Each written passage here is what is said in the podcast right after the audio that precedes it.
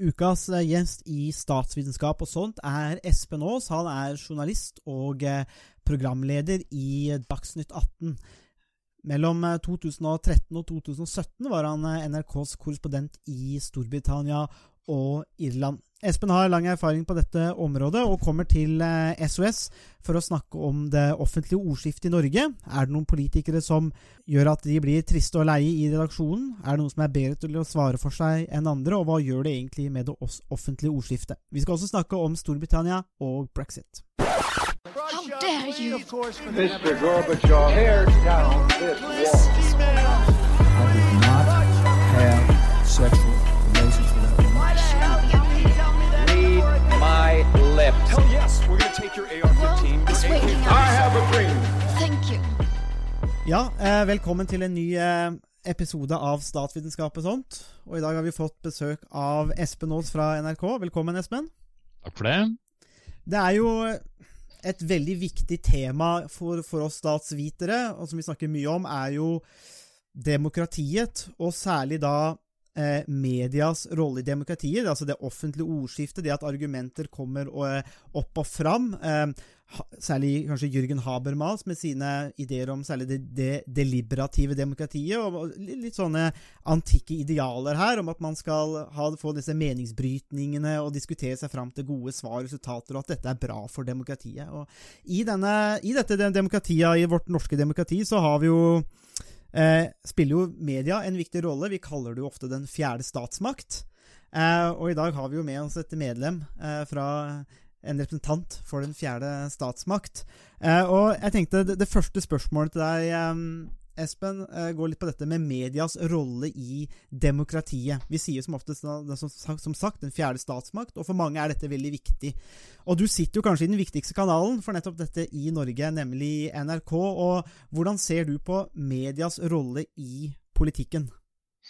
Jeg tror du ville fort merket det hvis du hadde tatt oss bort. Eh, fordi vi har jo overtatt den arenaen som uh, kanskje var der før, hvor man sto uh, på, på, sine trekasser uh, og, og, debatterte på folkemøter utendørs. Og så kan man for så vidt sikkert mene mye om hvordan det har påvirket debattene, at de sendes på radio, og at de sendes på TV, og at det på en måte gjør noe med ordskiftet. Men det som jeg tenker er viktig, er jo at i et år som 2021 og de foregående årene hvor egentlig det er så mange arenaer hvor politikk kan diskuteres, så ser vi jo at våre debattflater eh, faller jo ikke engang i, i oppslutning. Snarere tvert imot så øker jo oppslutningen rundt programmer som, eh, som Dagsnytt 18 og, og, Debatten. Noe som jo forteller at eh, det er en uh, tørst etter uh, debattarenaer ute hos folk, og at de har et behov for å kjenne på, på den politiske pulsen, høre argumentasjonen, og selv da gjøre seg opp en mening. Og så kommer gjerne den meningen da mer til uttrykk på, på digitale plattformer som eh, ja, særlig Twitter, men også Facebook og andre steder. Mm. Og eh, i, i, dette, eh, din egen rolle eh, Du er jo altså, kjent programleder, du har vært korrespondent, men også nå programleder i, i, Dagsnytt 18. Kanskje en av de aller viktigste eh, flatene, det òg, eh, i dette ordskiftet. Så din egen rolle i, i, dette, i denne prosessen her? Hva tenker du om nei, den? Nei, den uh, Du merker jo at uh, den blir, uh, blir, viktig. Det er veldig mange som gjerne vil ha en mening om, om en programleder også, særlig hvis de er uenig i hvordan debatten gikk for ens egen side. Da kan det fort komme mening om hvor god eller dårlig en eller annen programleder er. Men klart, vi har jo også en viktig oppgave når det gjelder det å faktisk gjøre folk klokere, eh, og ikke bare lage brød og, og sirkus. Jeg tror jo Hvis du ser tilbake mm. opp gjennom historien, så har jo mange ordskifter i debattprogrammer kanskje kanskje folk mindre kloke. Fordi det å få opp temperaturen og det å vise forskjellene har egentlig uh, vært vel så viktig som å uh, få til uh, argumentasjonen og bli klokere på, på, de forskjellige sidene.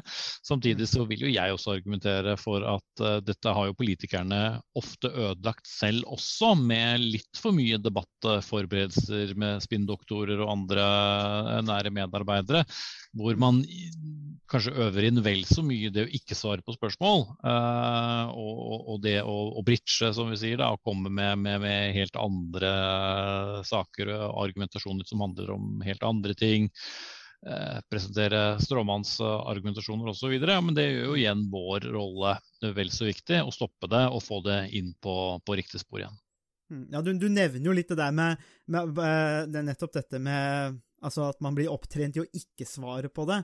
Er det en sånn nå, Du har jo jobba som journalist en, en, en, god stund. Er det, er, det, er det noen trender du har lagt merke til? Har det blitt uh, vanskeligere få politikere å svare, eller har de blitt bedre trent til å på en måte bare pushe sitt eget narrativ, eller hvordan ser du på en måte den uh, trenden der? Det er vel litt individuelt, men du har jo politikere, og mange legger sikkert merke til dem også, som, eh, som nærmest har det som en strategi. Å spore av debatten tidlig, gjerne starte med å si at ja, men det er ikke egentlig det, det dette Er det irriterende? Det er veldig irriterende. En ting er at det er irriterende for deg selv, eh, eh, og så er det irriterende også for seeren eh, eller, eller lytteren. fordi at du vil, jo, du vil, jo, ha et svar på et spørsmål. Det er ikke sånn at vi går inn i en, en debatt og ikke vet noe om den foran selv. Vi sitter mange timer og forbereder debatter. altså Dagsnytt 18 sitter vi jo i ni timer og gjør klart før vi går på lufta, så det er ikke sånn at vi ikke er inne i materien. Og når da noen begynner en debatt med 'først vil jeg bare si' eller 'å nei, her har dere misforstått, for dette handler egentlig om sånn og sånn', og så sitter du der og vet at de gjør jo ikke det. Uh, men her sitter de jo egentlig bare og kaster bort uh, vår tid og publikums uh, tid, mens de faktisk kunne ha, ha stemt Nei, kunne ha svart på spørsmålet. Mm. Og da eh, tenker jeg man også etter hvert undervurderer store deler av publikum. Eh, det er jo ikke sånn at ikke folk er informerte selv. Eh, og jeg tror nok mange legger også merke til de som velger da å, å ikke svare på spørsmål i det hele tatt, men bare pøse på med en helt annen form for argumentasjon. Mm. Ja, akkurat det der, eh, det, det siste du er inne på, nå er jo egentlig noe som jeg eh, legger veldig godt merke til eh, når jeg hører på Dagsnytt 18 og andre um, debattprogrammer. For jeg, jeg skjønner jo ofte at mange politiske spørsmål og mange problemer kan være vanskelig å, å svare på, men samtidig så, så er det sånn at altså, jeg skjønner ikke hvorfor kan ikke politikerne noen ganger bare gi et, et svar som har substans. Altså, ofte så er det sånn at jeg skjønner jo hvorfor de et problem kan være vanskelig, men kan ikke bare si at eh, dette er et vanskelig spørsmål. Eh, derfor og jeg ser begge sider, og jeg velger, men jeg har likevel valgt å lande ned på den ene siden. Det ville på en måte gitt en mye større troverdighet til, til politikeren. Og for meg som, som, tilhører, så ville jeg også kanskje tenkt at, at selv om jeg kanskje ikke er enig i, i, svaret til politikeren, så vil det være i hvert fall et svar som jeg kan, kan forholde meg til som, eh, som lytter og, og velger. Men det er på en måte en strategi som man ikke finner så ofte i, um, i mange av debattene. Uh, i, um, på Dagsnytt 18 eller Debatten eller andre steder. Har du noen oppfatning av hvorfor de måtte velger en litt mer sånn unnvikende strategi enn å bite a bullet, uh, måtte gå rett, rett på sak? Jeg tror det handler mye om at i, i, i preppingen så er, preppes det mye på at du skal, ikke, du skal ikke innrømme en feil, det kan komme tilbake eh, senere. For det er jo noe annet. Du hører jo aldri, eller i hvert fall uhyre sjelden, en, en, politiker som si, sier at eh, vet du hva, her bommet vi rett og slett. Eller innrømme mm. uh, det som uh, jeg tenker at de kunne innrømt litt oftere. Da, at vet du hva, dette er et kompromiss. Uh, jeg tror Det har kanskje endret litt også politikkens vesen i, i senere år, da, for oss som har holdt på med politisk journalistikk uh, i en del år, er jo at du har jo nå koalisjoner på begge sider av aksen i, i forskjellige former. Det, eller det, det, det, er mer vanlig da, både, både i, i, regjering, mer samlet opposisjon. du har mange flere konstellasjoner også i lokalpolitikken, som jo gjør at eh, det ofte er da kompromisser, som f.eks. fylkessammenslåingene. Ingen vil jo egentlig eh, ha det helt mm. sånn som det ble. Eh, du har den berømmelige nærpolitireformen og andre, som er resultatet av at tre til fire partier lander på noe som de føler at de må forsvare fordi de har vedtatt det, men så vet du samtidig at ingen uh, ville egentlig ha det. Og jeg føler at der holder man uh, velgerne litt for narr da, med å late som om uh, at nei, dette, dette, skal vi forsvare. Og så sitter du og vet at mm. ja, men du syns jo egentlig ikke det. Men det blir Jo, jo. Nesten, det blir nesten bare verre når dere journalister begynner å presse politikerne, og på en måte ikke dem, eller ikke la dem slippe unna med den type litt uh, vage svar, så blir det egentlig nesten bare verre eh, for politikerne. De blir jo ofte litt, litt avkledd til, til Ja. Ja, og jeg tenker at det mm, i det store bildet har jo noe å si for uh, troverdigheten til politikerne. Og hva, slags tillit eh, vanlige velgere har til dem. Vi nyter jo egentlig eh, ganske stor eh, tillit, eller politikere nyter ganske stor tillit her i landet, sammenlignet med veldig mange andre hvor politikerforakten er så stor. hvor eh, mange ser på politikere som både korrupt og noen som bare er opptatt av seg selv osv. Men det er klart hvis du gang på gang får høre politikere som ikke vil innrømme at de har gjort en feil, ikke vil være åpne på at dette var vel kanskje ikke det jeg ønsket meg eh, aller mest. De få gangene i hvert fall det skjer i, i studio hvor en politiker kommer og sier at vet du hva, jeg, jeg tror ikke vi satte oss godt nok inn i saken her, her bommet vi, her må vi ta en ny runde med oss selv. Da får vi ofte tilbakemeldinger fra, fra seere og lyttere som bare å, men dette her er jo så bra, hvorfor kan ikke politikere bare være litt mer ærlige? Og hvis det setter seg et inntrykk av at eh, politikere ikke er ærlig når de opptrår i debattprogrammer, som nok veldig mange har eh, inntrykk av, så er jo det dårlig for demokratiet. Mm. Ja, altså, jeg skal jo innrømme sjøl at jeg, jeg, jeg pleier å få med meg de fleste Dagsnytt 18-sendingene. Eh, for det er jo måtte, en, en, time med vel, Ofte føler jeg òg mer substans eh, og når man er politisk interessert, men det hender jo at jeg ser visse politikere komme på lufta, og jeg veit jo at jeg får jo ikke noe svar Jeg kommer jo ikke til å få noe god debatt om emnet. Jeg kommer bare til å få altså, eh, narrativer eller vinklinger som er for, forberedt på forhånd, og det er det jeg blir servert. Jeg får jo ikke noe debatt om det, og da, da bare muter jeg, og så ser jeg til neste headline, headline kommer, og så går jeg inn på den, for da, da ser jeg hva som er. Og det, det er litt dumt hvis man kommer til det pointet, men, men er, er, det ganger, er det noen ganger du får politikere der du lurer på hva var det de egentlig sa nå? Altså sånn, det, er jo, det blir jo slengt litt rundt med litt tåkefyrster og litt andre sånn ikke, man, Det er masse ord, ikke substans. Er det noen ganger du sitter i stolen og bare sier på hva i alle dager var det jeg hørte på nå?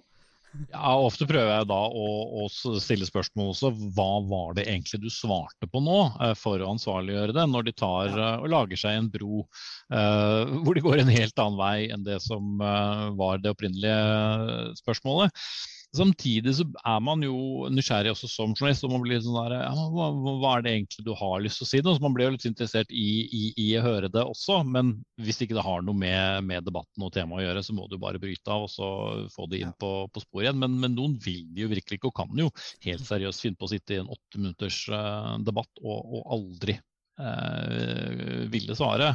Mm. Det vinner de jo ikke noe på. Det er det jeg noen ganger syns er litt rart. At de tenker er bedre enn å faktisk eh, være litt ærlig. Mm.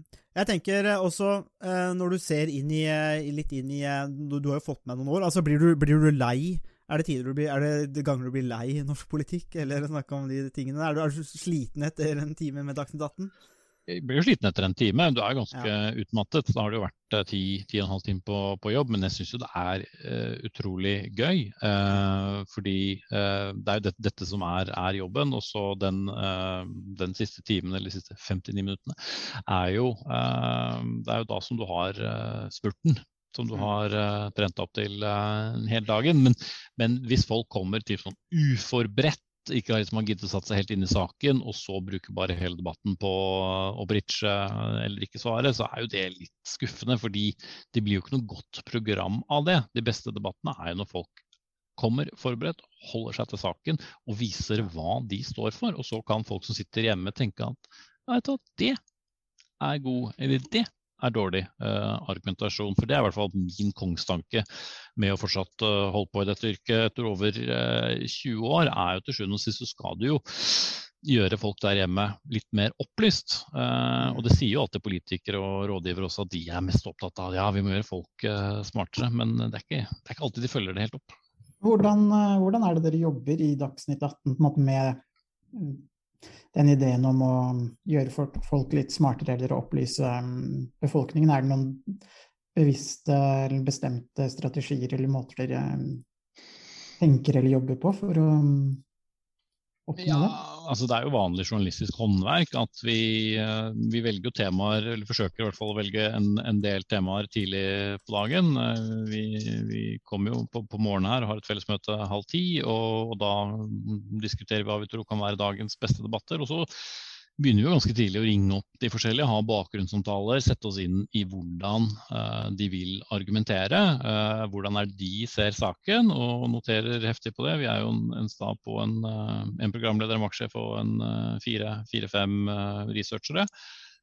og så ringer vi motparten, og så hører vi hva de har å si. Og så lager vi et opplegg ut fra det, sånn at vi, vi vet jo hva som kommer. Mm. Problemet er bare at det er ikke alltid det er det som kommer, som de sier i telefonen. Eller som selvfølgelig ofte er problemet med typ statsråder eller andre fremtredende politikere eller andre samfunnstopper, er at vi ofte ikke får snakket med dem direkte, og heller uh, ta den bakgrunnssamtalen med en rådgiver. Uh, og da Jo flere ledd du har, jo større mulighet er det selvfølgelig for uh, at det kan bli litt skurr. Ja, er det mye er det, når, altså, Hender det ofte at det er la oss si, politikere også, som blir sure, eller er uh, sinte på måten du har uh, jobba på, eller hvordan dere har vinkla ting eller stilt spørsmål? Er det jeg vil si overraskende sjelden. Jeg tror vel fordi vi velger å bruke ganske lang tid på, på hvert tema. Men det er klart beskyldninger om at ja, du lot noen andre få snakke mye mer enn en det jeg gjorde. Eller ja, jeg kom ikke til ordet nok, og du avbrøt. Sånt vil jo alltid være der, men det er jo også fordi de har jo en helt annen oppfatning uh, av hva som er viktig uh, fordi de tilhører en side, enn jeg som sitter i midten, som har litt andre hensyn. Jeg vil jo hele tiden tenke står det på spørsmålet, blir folk uh, klokere av, dette? Og mm. kom til saken. For det er jo det andre. Enkelte politikere har jo ikke punktum, og da må vi avbryte. Jeg er ikke en sånn kjempestor fan av det, for det er slitsomt å høre på. Men noen ganger så må du bare gjøre det. Ja, ja. Det er jo Men du, du var inne på det litt i stad. Eh, litt dette med, med du har jo, du, Og du har jo erfaring fra utlandet. Du har litt, du, Og du nevnte så vidt i forbifarten i stad denne tilliten til politikere i andre land, f.eks. Hvor de Man kan jo fort tenke seg kanskje land som Italia, men også kanskje dels USA og andre land. på en måte Det med politikerstanden kanskje ikke nødvendigvis står så høyt, og det er litt mer tillit her i Norge. Men du har jo vært korrespondent i Storbritannia 2013 til 2017. Og du har jo opplevd et annet politisk system og kultur eh, der. Jeg tenker vi, at vi da måtte snakke litt mer om Storbritannia, for det er jo noe vi har brukt mye tid på i podkasten vår, å snakke om, eh, om brexit eh, og disse tingene. Men hvis vi bare starter litt med den politiske kulturen og kanskje mediekulturen, hvordan opplevde du den? Hvordan opplevde du på en måte, ja, f.eks. britiske eller engelske politikere sammenligna med de norske? hvis du... Altså, de velges jo på en måte på samme vis, selv om det er to forskjellige valgordninger. Men de velges jo av, av folket, i hvert fall de som, som sitter i det britiske underhuset. Eh, men likevel så opplever jeg jo ofte at avstanden mellom folk flest, da, som jo er en klisjé, men, men, men, vanlige folk og politikere oppleves veldig ofte som større. Eh, det er en, en, oppfatning eh, av at de er lite opptatt av hvordan folk eh, har det, selv om de har jo en veldig god ordning, britiske parlamentarikere, med at de har det som heter surgery da, på, på, fredager, hvor de, hvor de sitter på, på kontor i, uh, i, valgkretsen sin, og hvor folk kan komme og snakke med dem og be dem ta opp en sak um, i, i, parlamentet. Jeg jo, har jo ofte tenkt at uh, vi burde hatt noe, noe tilsvarende her, uh, så folk kunne kommet enda nærmere sine folkevalgte. Mm. Men til tross for det så er, opplever jeg ofte det er en oppfatning at det, det er en elite. De, de, har mye penger, du får godt betalt for å være parlamentsmedlem, man får gode reisegodtgjørelser, og at de, de lever litt i en sånn uh, bobleverden og aner ikke hva et brød koster, hva en liter melk koster, hva det koster å ha et barn, fordi de tilhører en middelklasse. Så er Storbritannia et mye mer klassedelt samfunn enn, en Norge, for så vidt. men kan jo innimellom oppleve de samme tingene mm, her i Norge også. Ja, disse politikerne de, de, mm. de sitter bare nede i Oslo der. Uh, mens det å sitte i London i, i, Storbritannia er jo et langt større skjellsord enn det å, å, å sitte i, i, Oslo her, uh, her hjemme. Mm. Gjelder Men, det alle partiene i Storbritannia, eller er det Altså, det er jo ikke så mange partier, da, men uh, du merker kanskje litt forskjell uh, i Skottland da, til det skotske nasjonalistpartiet. For det er, det er jo et parti som bare er i, i Skottland, og som har blitt eh, løftet frem og valgt frem uh, fordi skottene føler seg jo litt på utsiden av, av, England. da, Men nå er jo hele den britiske nasjonen satt sammen politisk på en litt sånn pussig måte, hvor du har da disse eh, parlamentene i, i Skottland, eh, Wales eh, og Nord-Irland, mens du på toppen av det har da det britiske parlamentet som bestemmer typ forsvars- og utenrikspolitikk, eh, f.eks. Eh, men, men sånn generelt med de store partiene, i hvert fall, med, med, det konservative partiet og det britiske arbeiderpartiet Labour, og, og kanskje til dels eh, liberaldemokratene, så oppleves nok de ganske langt eh, unna. Uh, og selv om det er mange flere å ta, 650 parlamentarikere er det jo som sitter i, i, i Underhuset, men så er det over 60 millioner mennesker de også skal, skal representere. Så tilgjengeligheten er jo litt deretter. Og så kan du si debattformen i Storbritannia eh, med dette underhuset og tiltaleformen, bare det er jo veldig mye mer elitistisk eh, enn det som skjer i eh, vår egen stortingssal. Så det er jo mange, mange, mange elementer hva som brukes tid på, også i, i parlamentet. Hva som, hva som, diskuteres. Det er jo ofte et godt stykke unna det som gjerne omkall, omtales som bread and butter issues, som jo kanskje er det aller viktigste for, for veldig mange. Mm. Ja, og det er jo det er nettopp i dette klimaet her at du fikk lov til å si, God timing, da, være korrespondent for NRK i, i England. Eh, da vi får kanskje en av de store veiskillene, kanskje, eh, i britisk politikk, og kanskje også europeisk politikk, nettopp med, med brexit. Eh, og den, eh, det som ble satt i gang da, eh, med, og, og, med folkeavstemningen som førte til at eh, flertallet sa at de ville gjerne gå ut av Den europeiske union. Eh, jeg eh, bodde, for det, Den tida bodde jeg i New Zealand og fikk på en måte nyhetene litt derifra. Uh, og ikke måte, de europeiske mediene, så det var på en måte én måte å ta det på. Men du sto jo midt i det. Uh, en så monumental avgjørelse som det måtte bli for Storbritannia. Hvordan opplevde du denne, altså brexit, denne prosessen som ledde opp til folkeavstemningen? og måte, ja, Din analyse av det? For Vi har, vi har snakka mye om det, og det virker veldig spesielt, men du står jo i det. Altså, det var jo en en pussighet i seg selv at en sak som veldig, veldig få eh, toppolitikere, eller i hvert fall eh, hvis vi skal se på parlamentsmedlem som en toppolitiker, og det skal vi vel gjøre, var opptatt av plutselig skulle bli et nasjonalt anliggende. Altså Etter å ha vært da, eh, medlem av, av, EU i over 40 år, så var det jo en del av, av, deres daglige verden. De tenkte jo veldig lite på det. Og plutselig, fordi at det har vært et visst press fra noen backbenchere i ett eneste politisk eh, parti, så skal dette plutselig bli en, et nasjonalt anliggende. Og enhver som vet bitte lite grann om, om, om, EU og for så vidt EØS for egen del, vet jo at dette er utrolig komplekst. Men likevel så skjønner folk da over tid at dette må du ta stilling til. Et veldig veldig vanskelig spørsmål. Og så kan man jo argumentere at jo, men når det er et så viktig spørsmål, så er det jo bra at hver og en skal få lov til å ha en mening. Men så er jo da spørsmålet hva slags forutsetning hadde de for å mene noe om det. Og det var jo egentlig det rareste med hele den debatten. Eh, og fordi jeg eh, var da korrespondent i et land hvor min tilgang på eksperter og toppolitikere var jo langt mer begrenset enn jeg hadde i Norge, så måtte jeg jobbe meg unnifra og opp. Måtte snakke med vanlige folk, intervjue vanlige folk, reise rundt i Storbritannia og, og, lage journalistikken den veien, som jo er mye mer spennende, for du får mye mer ekte, ekte historier. Men det jeg opplevde etter hvert, var at dette var veldig frustrerende. Hvor, hvorfor må jeg ta stilling til dette? Mm. Fordi jeg har ikke lagt merke til at, eh, at noe har gått i stykker. Ja jo, eh, kanskje er det litt vel mye innvandring og litt mye eh, arbeidsinnvandring her, men har det med EU å gjøre? For mange av de kommer jo ikke fra Europa, osv. Og så etter hvert som det da nærmet seg 23.6 2016, som var den store eh, folkeavstemningsdatoen, så økte jo også frustrasjonen. For folk følte liksom ikke at de klarte å få ekte informasjon. Debatten, lik den debatten eh, som var her i Norge i 1994, for de som uh, husker den, ble mer og mer polarisert. Det ble veldig mye symbolsaker. Og så tok man kanskje stilling til noen eh, symbolsaker, og ikke fullt så mye til, til andre eh, konsekvenser. Eh, og Der var jo også et klassisk eksempel hvor, hvor mange politikere da misbrukte det offentlige ordskiftet med stråmannsargumentasjoner på, på begge sider, og, og skapte veldig store problemer som i utgangspunktet kanskje ikke var så store. Og konsekvensene, debatten om konsekvensene kom jo egentlig først etterpå, fordi så mange var uh, mye mer opptatt av uh, de andre sakene underveis i, i den innspurten.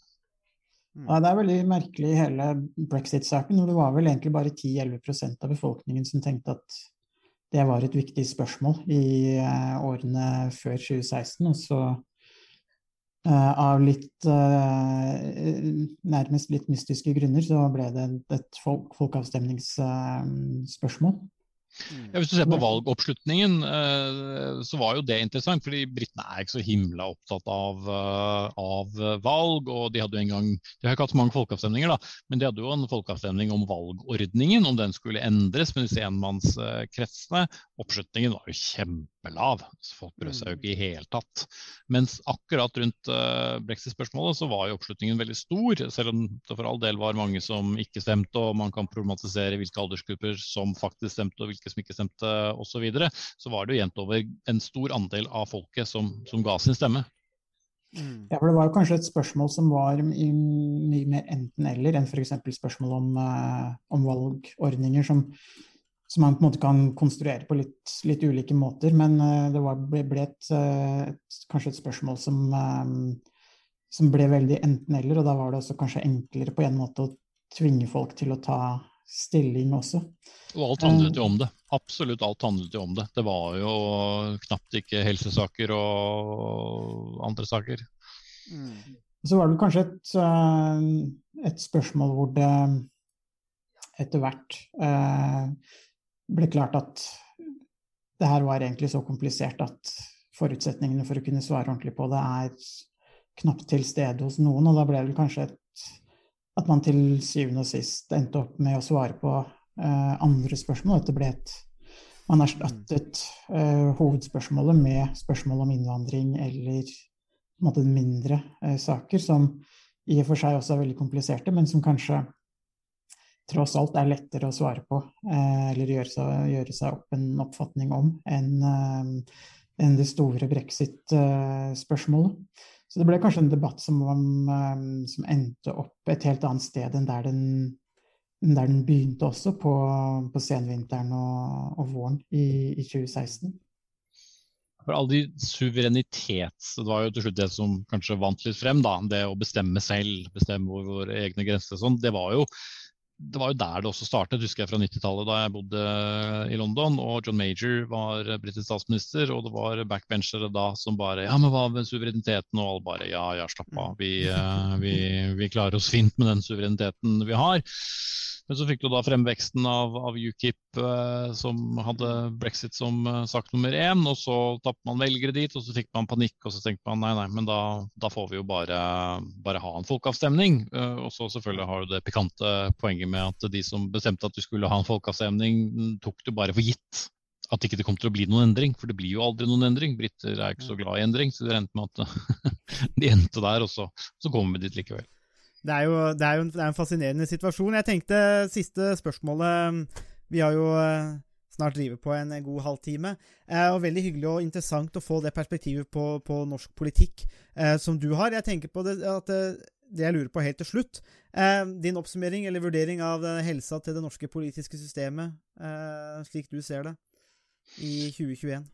Nei, jeg tenker jo den fortsatt uh, er god. Uh, vi, vi, har kort avstand uh, mellom politikere og folk. Vi har politikere som nesten utelukkende alltid stiller opp i debatter og er med. altså Så mange politiske debatter som du har i Norge i løpet av en uke. Enten det er i en direktesendt spørretime eller i, i, TV- og radiostudier hos NRK og TV 2 og andre, er jo utrolig bra. Du får jo aldri de ordskiftene, f.eks. i britiske medier. Der er det enkelte intervjuer, og veldig mange stiller jo aldri uh, opp. Mens vi har jo det ordskiftet hele tiden. Og så blir alltid debatten fordummes av, av, noen, enten de er med i debatten eller de debattene som foregår i ettertid uh, på, på, sosiale medier. Men uh, vi har jo en befolkning som er opptatt av politikk, som engasjerer seg, som velger å se tunge eh, programmer som f.eks. Dagsnytt 18 eh, og Debatten i ganske stort monn, og, og, at vi ser at det er økende, avislesing er eh, økende osv. Så, videre. så jeg tenker at det, det, går ganske bra. Så får vi jo bare prøve å holde litt sånn styring eh, på, på, politikerne våre, at ikke det skal eh, skli ut. Og også at vi som ansvarlige medier velger også de debattene som, som er viktige. Det var det vi hadde å by på i denne ukas episode av Statsvitenskap og sånt. Musikken er komponert av Robin Horvath, og Thomas Focolato står for miksing og redigering. Du finner oss på Facebook, bare søk på Statsvitenskap og sånt. Der kan dere komme i kontakt med oss hvis dere har spørsmål eller kommentarer. Der finner du også aktuelle artikler, videoer med mer. Vi setter pris på om dere liker sida, og deler den med andre som dere tenker vil ha glede av å høre på podkasten.